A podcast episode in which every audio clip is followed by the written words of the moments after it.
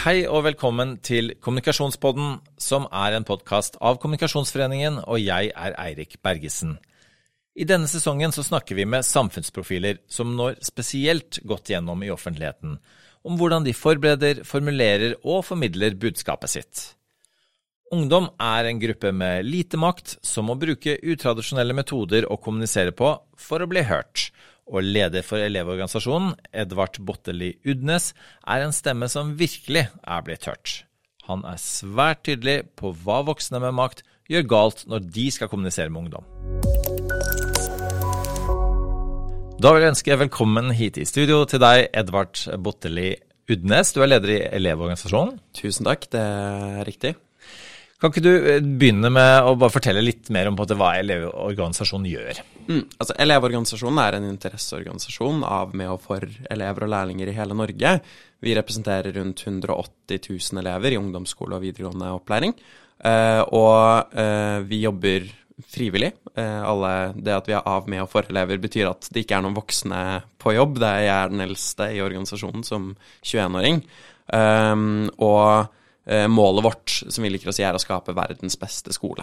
Uh, og det, det, er liksom et todelt mandat. Uh, fordi på den ene siden så skal vi da få gjennomslag for politikken vår, som er vedtatt av landsmøtet med da alle medlemsskolene våre. Så er Norges nest lengste landsmøte. kun LO-kongressen som holder på lenger enn oss.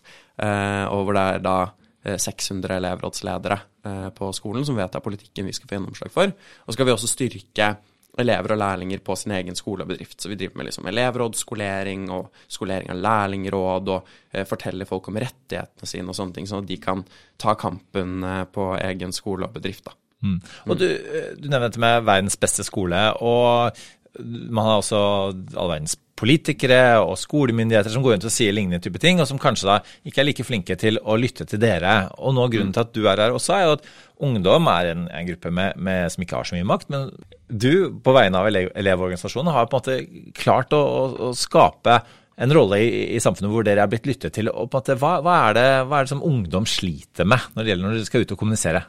For det første så er jo vi eh, egentlig alle ungdomsorganisasjoner er i samme båt med det at veldig mange av medlemsmassen vår, det er under 18, så de har ikke stemmerett. De er ikke en velgergruppe som er veldig attraktive. Eh, unge er jo ikke like flinke på å gå ut og stemme som eh, våre eldre motparter, og det gjør at vi må jobbe litt hardere for å bli hørt. Det er ikke veldig åpenbart at uh, man skal høre på unge hele tiden og jobbe for unges interesser i politikken. Selv om man liker å si det i alle festtaler mm. og sånne ting, så er det er ikke en uh, like mektig velgergruppe. Og din uh, organisasjon har ikke engang stemmerett, stort sett? Nei, det er jo egentlig bare en sjettedel ish av medlemsmassen min som har stemmerett. Og det gjør jo at vi har mindre ressurser til å skrive leserinnlegg, og vi kommer ikke på trykk hele tiden og sånne ting, som betyr at vi i større grad trenger å organisere oss og stå samlet. Jeg liker å fortelle en historie på, når jeg er på skolebesøk uh, og spør elevrådene og elevene jeg besøker om hvorfor det er viktig at vi organiserer oss, så liker jeg å si at hvis du går som enkeltperson bort til rektoren din og sier at du ikke vil ha lekser på skolen lenger, for det er et upedagogisk tiltak, så kan rektor veldig lett avskrive deg med at dette er én elev. Uh, og uh, da har du ikke så mye makt til det. Hvis hele klassen din går til rektor og sier 'vi vil ikke ha lekser, for dette er et upedagogisk tiltak', så begynner det å rasle litt hos rektor. ikke sant? Da er det en hel klasse. Men hvis elevrådslederen har alle klassene på skolen bak seg, alle elevene, og kommer og slår ned i bordet på rektors kontor og sier 'vi skal ikke ha lekser, det er et upedagogisk tiltak, vi bruker altfor mye av fritiden vår på skole, vi sliter med søvn', så har ikke egentlig rektor noe annet valg enn å høre på dere i hvert fall litt. Dere får ikke nødvendigvis gjennomslag gjennomslag på alt, men nå vet han at han har alle elevene på skolen mot seg. Og dette er elever han, skal, han eller hun også skal lede. Eh, og eh, da må man jo ha de med på laget. Eh, og jo flere vi blir som står bak meg da i organisasjonen, så blir det viktigere å høre på oss. Fordi selv om vi ikke har de store velgermassene, så har man ikke lyst på en gjeng med misfornøyde elever rundt om i Norge. Og jeg regner med at, at det at du, du, er blitt valgt, og, og, og, på en måte at du eh, har en tydelig rolle i offentligheten, også er et tegn på at du, eh, du blir lyttet til i din egen organisasjon. Men det som er interessant også er å se på hvordan dere som organisasjon profilerer deg, da. Du er veldig synlig der ute. Kan ikke du fortelle litt om måte, hvordan dere tenker rundt det? Ja, vi, vi er i Elevorganisasjonen eh, særlig opptatt av å bygge profiler. Eh, vi har eh, kun Lederne våre sitter normalt ett år. Det er ingen som tar gjenvalg. Litt fordi det er et veldig slitsomt eh, verv med eh, ganske lav lønn, og fordi at man vil jo være så nærme elevalder som mulig. Jeg jobber jo fulltid. Mm. Um, og da er det veldig viktig for oss at folk har et bilde på hvem Elevorganisasjonen er. Uh, og at, uh, fordi folk har et slags behov for å fylle uh, et tomrom når man hører en organisasjon med et ansikt. og da, da, står man liksom med to valg. Enten så kan man profilere lederen og talspersonen og få, altså kontrollere det bildet folk får på organisasjonen med at de får meg. Um, eller så kan vi la det være opp til dem, og da blir det ofte liksom stereotypene mot organisasjonen. Uh, sånn hvis uh, vi ikke hadde profilert en leder, og folk hadde hørt at Elevorganisasjonen sa noe, så hadde de antageligvis sett for seg en liten sånn litt uh, for streit hvit gutt med blondt hår, som jeg for så vidt er, da, men i dress som kan opplæringslova på rams, vil bruke organisasjonen som et springbrett til videre politisk liv. det som var den organisasjonen Eh, Den norske gymnasiastsamband, som var den forløperen vår, som, som de eh, vokste opp med. Eh, eller den elevrådslederen de hadde på skolen. Eh, og da kan ikke vi kontrollere hvilket bilde de har på organisasjonen, og derfor er vi veldig liksom, opptatt av å profilere meg, da, at elevene også skal se at de har et ansikt, de vet hvem som representerer dem, hvem som backer dem. Det er derfor hvis man går inn på liksom, Instagrammen vår, hvis man går inn på TikToken, uh, TikToken vår, som er de to mediene vi bruker mest, så ser man mitt tryne overalt. Og det er jo fint for kommunikasjonen vår, og det er relativt irriterende for meg, da. Eh, det, at jeg må se trynet mitt hele tiden. Så har vi liksom ett pressebilde hvor jeg går med én genser, og jeg får jævlig mange kommentarer på at jeg må bytte genser av og til og sånn. men, men eh, altså, eh, nå ser jo ikke våre lyttere ditt tryne, men mange har nok, har nok allikevel sett deg. Og det jeg sitter og ser på nå, er, er jo ikke en streit ungdom, det, på den måten at du, du har Eh, litt eh, ørepryd, eh, lakkerte negler. Og, og, og, det er jo på en måte noe som gjør at du og, og kler deg på en, en del annen måte enn en de sånn veslevoksne ungdomspolitikere, i hvert fall. Ja, jeg går ikke rundt i dress, og jeg liker å ha på det som er i klesskapet mitt, og det jeg normalt hadde hatt på på skolen eller studie eller jobb. Og det, det er ganske viktig i kommunikasjonen vår at vi er ungdommelige, både i liksom retorikken, men også i utseendet. At vi faktisk ser ut som en elev som kunne gått på eh, videregående eller ungdomsskolen. Eh, jeg så, eh, var en gang etter jeg var på Dagsnytt 18, at eh, jeg så en tweet eh, fra en sånn kar som har en del følgere, som sa at uh, syns det er imponerende at EU e har klart å velge en slags hyperdestillert Zoomer som leder. at det liksom ser ut som alt av ungdomsorganisasjonen vår i én person. Um, og det er jo liksom Jeg tenker ikke veldig aktivt og strategisk over hva jeg har på meg og hvordan jeg går. Jeg går med neglelakk og øredobb fordi jeg har et hull i øret, og neglene mine føles veldig nakne om jeg ikke har på neglelakk. Um, men det, det, bidrar jo til å skape et slags ungdommelig bilde på organisasjonen. Uh, og så får jeg en del eh, kristenkonservative, eh, gamle eh, folk som blir veldig provosert av det, og det gir meg litt ekstra sånn motivasjon i livet. Ja, hva, hva, er det de gjør, sier? Altså sånn, Jeg fikk en kommentar på Facebook etter jeg var på Dagsnytt 18 i sommer, eh, om eh, eh, jeg så en kvinne ved navn Edvard på Dagsnytt 18 27.07. Det var jo snodig i seg selv. Og så gikk hun på en lang rasistisk rant, så vi fjerna kommentaren. Men jeg syns jo de kommentarene er ganske morsomme. Eh, for det betyr jo at jeg klarer å være igjen i minnet deres. Altså, det er mange som er på TV hele tiden, det er mange som skal fremme sin sak. Eh, så målet er jo å bli huska. Det er når vi er i møter, når vi er på høringer på Stortinget, når vi er i media, så skal vi bli husket og gjenkjent. Og da blir måten jeg presenterer meg på, måten jeg fremfører argumentasjonen vår, blir jo en del av det, da. Eh, så det er jo Jeg tar jo det som en slags seier. Ja, fordi da er vi over på, på noe, noe, annet ved deg. Du er heller ikke særlig streit i måten du kommuniserer på. Du, du er også veldig deg selv, du er, du er personlig. Um, og hva, hva, er, hva, er, viktig for deg når du formidler budskapet deres? Nei, altså, jeg gjør jo veldig mye på impuls. Uh, det er uh, litt fordi jeg er ganske komfortabel på det fagstoffet jeg går gjennom. Litt fordi jeg har ADHD, så jeg er litt sånn impulskontrollert. Uh, men for meg så er det viktig at vi kommuniserer på en måte som er forståelig, og som oppleves ekte. Jeg skal ikke ha noe orkestrert manus. Det jeg går inn i med i studio, er liksom, det er hovedargumentene våre, og det er det jeg skal fokusere på. Eventuelle eh, forberedte svar til noen eh, liksom eh, småsleiv. men folk ønsker ekte retorikk. Folk ønsker eh, å høre hva folk faktisk mener, og da er det viktig for meg å fremstå som Altså fremstå ærlig, eh, og ikke slu unna spørsmål, og, og være meg sjæl, da. Jeg har lyst til å nevne også eh, Du, du bruker en del humor eh, når, mm. når, du snakker, og det er ikke helt eh, tilfeldig. Du har en viss familiebakgrunn der? Ja. Eh, mine foreldre er jo manusforfattere i Nytt på Nytt, og jeg skylder jo dem veldig mye for hvordan jeg Eh, er i media, hvordan jeg fremstår i kommunikasjonen. Eh, og det er litt fordi at jeg har vokst opp i et hjem hvor vi ikke bare snakker politikk ved middagsbordet, men vi snakker også politisk kommunikasjon. Jeg vet eh, når vi bestemmer oss for hva vi skal si, hva foreldrene mine kunne gjort narr av meg for på, i best sendetid. og, men også at jeg syns satire er et veldig viktig virkemiddel for en ungdomsorganisasjon, og en organisasjon generelt, fordi vi er i konstant opposisjon. Vi skal kritisere makta, og satire er et av de sterkeste virkemidlene for å kritisere makta. Eh, for å gjøre det på en forståelig og morsom måte. Eh, og da, da blir det gøy å ha et litt sånn eh, selvfølgelig faglig og kunnskapsbasert kommunikasjon, men litt sånn satiriske kommentarer innimellom. For å, ja, for å bli husket, men også for å kunne understreke de poengene vi, vi ønsker å få fram. Da. Mm. Eh, når du snakker i, i mediene, f.eks. nå, altså, hvem er det du snakker til? Er det eh, elevene, eller er det på en måte makta, maktapparatet her ute? Altså, det, det er jo eh, faktisk nedfelt i kommunikasjonsstrategien vår, ja. men, men, jeg snakker først og fremst til elevene. Eh, men det, det, går jo veldig Det varierer jo veldig fra kanalvalg.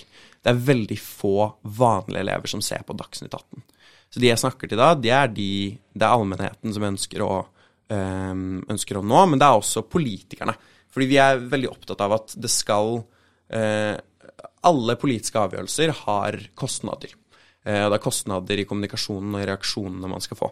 Og det vi ønsker å liksom gjøre og bygge oss opp til en redaktør, det er at det skal være litt skummelt. Politikere, politikere skal tisse litt i buksa hver gang de er invitert til Dagsnytt 18 mot meg, eller hver gang Elevorganisasjonen kan gå mot dem. Eh, og de skal da også, på den andre siden, tjene på at vi er med dem. Eh, at vi går etter de som kritiserer dem. Eh, fordi det må ligge en gulrot bak avgjørelsen for politikere. Ikke bare at de har gjort det moralsk riktig, eller at de har fulgt den riktige politikken, men de må også tjene litt på det. De ønsker å bli gjenvalgt, de ønsker å fremstå gode i offentligheten. Og da må vi eh, sørge for at de tjener på å ha oss med på laget, og at de taper på å ha oss, ha oss mot dem. Ja, for der, det ligger også en, en pisk der. Og hva, hva, er det? Altså, pisken ligger jo i at jeg ønsker å være jævlig skummel. Uh, at uh, det skal du skal få et lite mediehelvete. Du skal ha en, liksom, en, egen tilsatt kommunikasjonsrådgiver for å svare på kritikken vår når du går mot oss. Eh, fordi vi skal da ideelt sett prøve å bruke alle kanalene vi har, og der vi kommer på, til å gi dem helvete i media, og få dem til å svare og svare og svare og svare på eh, kritikken vi kommer med, og virkelig overbevise offentligheten da, om at det er vi som har rett, og nå er det politikerne som har tatt feil valg. Eh, så det er jo det er jo det det overordnede målet i kommunikasjonen vår er, spesielt i de tradisjonelle mediene. Ja, fordi det, dette er vel en, en, måte for dere som ikke har så mye formell makt, å på en måte likevel få så mye oppmerksomhet at de må ta hensyn til det? Mm, det er jo det vi generelt prøver på.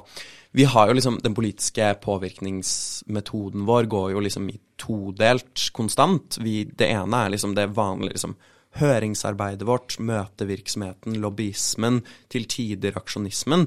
Uh, hvor vi liksom presenterer løsningene våre og diskuterer. Og der er vi veldig opptatt av å være uh, villige til kompromisser og være veldig rolige og vennlige og kunnskapsbaserte. Men i kommunikasjonen ved siden av så må vi jo klare, klare å legge press på det vi ønsker å få gjennom. Vi ønsker å kommunisere til medlemmene våre og til offentligheten hva vi ønsker å få gjennom, at vi jobber for deres sak. Uh, men også så hadde vi ikke klart å få et eneste gjennomslag hvis vi kun hadde drevet med kommunikasjonsarbeid. For da hadde vi ikke vært troverdige i de, polit i de politikernes øyne. ikke sant? Hvis vi kun står på barrikaden og krever, men ikke kommer med faktiske løsninger i møtene, så får vi aldri gjennomslagene. Eh, og samtidig som hvis vi kun er i møtene og um, bare leverer forslag, så er det kjempelett å gå imot oss, ikke sant? fordi politikerne har null tap på det som ikke offentligheten ser. Uh, og derfor, derfor, prøver vi å ta den todelingen, da. Du sa til meg på forhånd at uh, ungdomsorganisasjoner er generelt den enkleste gruppen å skuffe. Ja.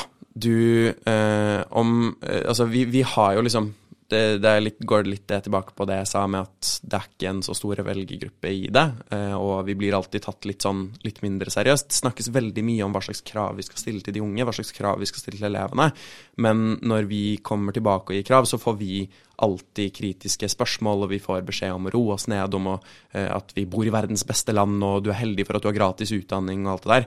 Eh, som betyr at det er lett å drive med hersketeknikker mot unge, uh, enten om du mener det eller ikke.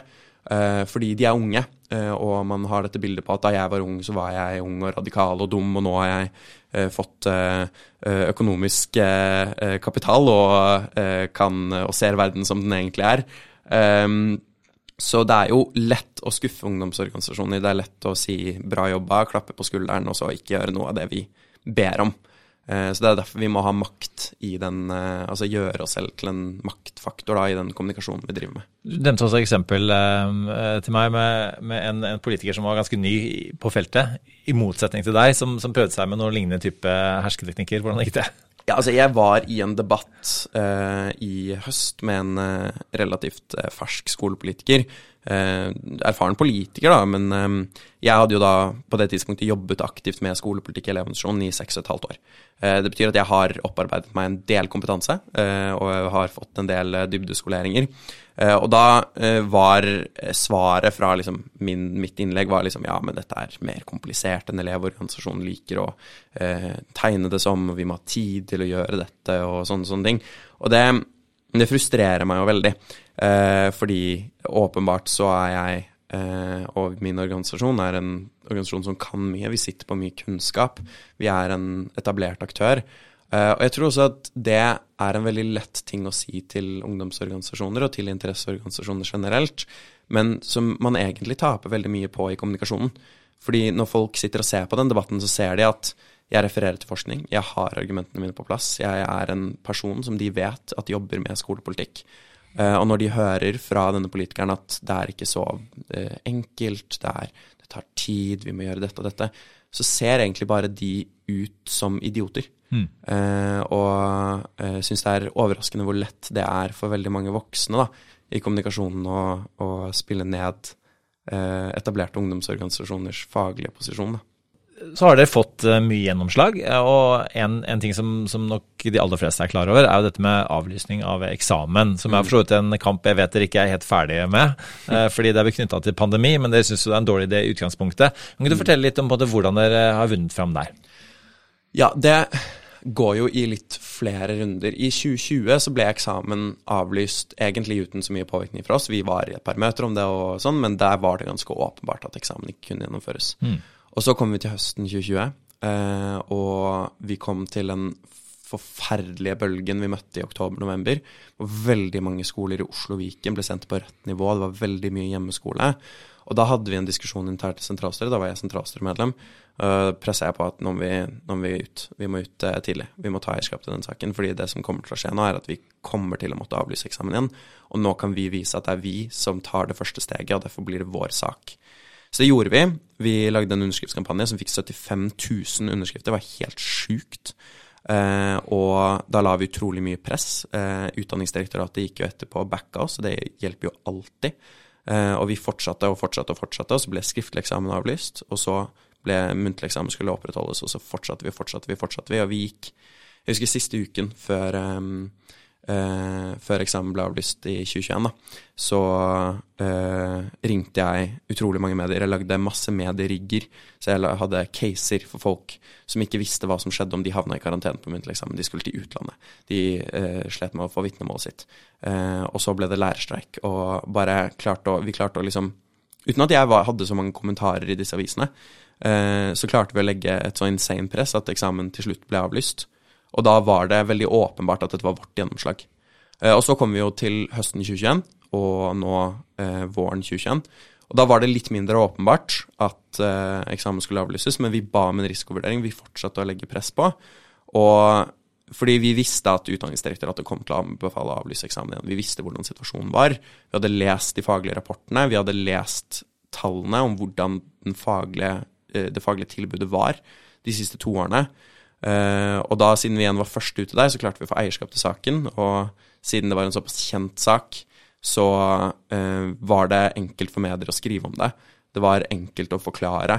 Uh, og da fikk vi gjennomslag. Så jeg liker å Altså, jeg liker å si bare hyggelig til alle elever jeg møter. Uh, fordi det er Vi har nok reddet noen vitnemål de siste tre årene. Mm.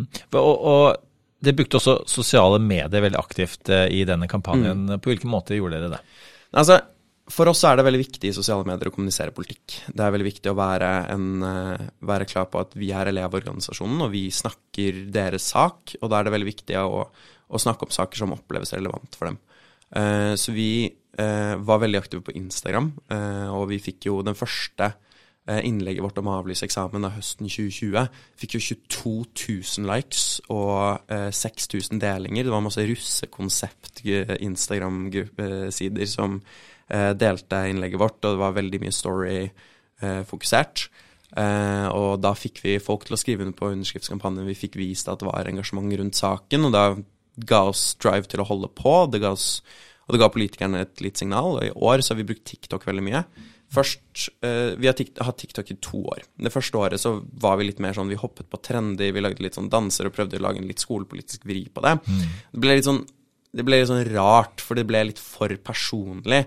Eh, det ble ikke veldig naturlig at det var vår organisasjon. Eh, men i år så har vi gått over til å poste soundbites fra debatter, fra høringer og videoer som forklarer politikken vår. Eh, og det har jo gjort det utrolig bra. Vi har jo doblet følgerantallet vårt, og vi har fått et samlet 108 000 likes på videoene våre. Og spesielt de da om eksamen, og de om utstyrsstipend og borteboerstipend, som oppleves veldig veldig relevant og akutt for elever, de har fått veldig mye engasjement. Og det er liksom det vi går etter, at vi er organisasjonen. Vi snakker om politikken vår, vi snakker om politikk som er relevant for elever.